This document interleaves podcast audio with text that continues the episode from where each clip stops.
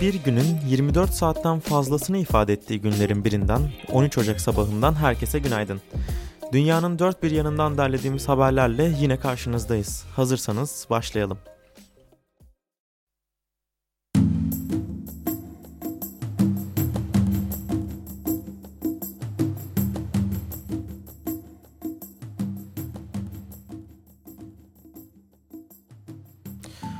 Avrupa'nın en büyük mafya örgütünün üyelerinin yargılanacağı Rinascita Scat olarak adlandırılan davanın ilk duruşması bugün gerçekleştirilecek. Endrangheta ismiyle bilinen örgüt ile ilişkili 355 sanık, uyuşturucu kaçakçılığı, cinayet ve cinayete teşebbüs gibi birçok suçlamayla yargılanıyor. Yürütülen süreçle ilgili açıklama yapan Başsavcı Nicola Gratteri, örgütün yılda 50 milyar euronun üzerinde para akışını kontrol ettiğini ve tüm kıtalarda faaliyet gösteren en tehlikeli ve zengin bir suç örgütü olarak gördüğünü de ifade etti. Volkswagen yaptığı açıklamada elektrikli araç satışlarında geçen seneye göre 3 kat artış olduğunu açıkladı. Satışların egzoz gazı emisyonunu olabildiğince minimumda tutmaya yönelik alınan Avrupa Birliği kısıtlamalarının bir sonucu olduğunu söylemek mümkün.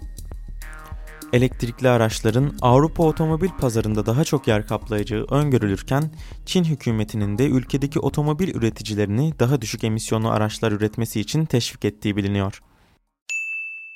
Geçmişle yüzleşmek zor olduğu kadar gerekli de bir eylemdir.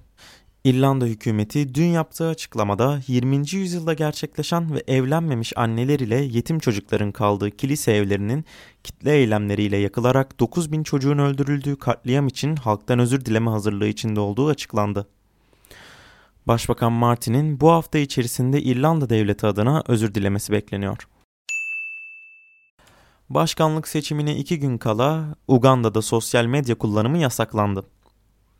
Afrika'da en uzun süre görev yapan başkanlardan biri olan Yoweri Museveni'nin müzisyen Bobby Wine'e karşı yarıştığı seçim sürecinde geçtiğimiz haftalarda bahsettiğimiz üzere muhalif lidere karşı ölüm tehditleri savrulmuş ve onlarca kişinin hayatını kaybettiği polis müdahaleleri de yaşanmıştı.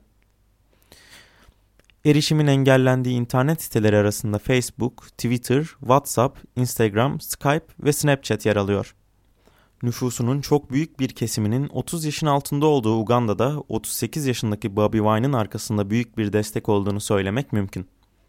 Mevcut başkanın sosyal medyayı yasaklayarak en büyük seçmen kitlesini kendinden uzaklaştırıp tam olarak ne amaçladığını anlamak ise oldukça zor.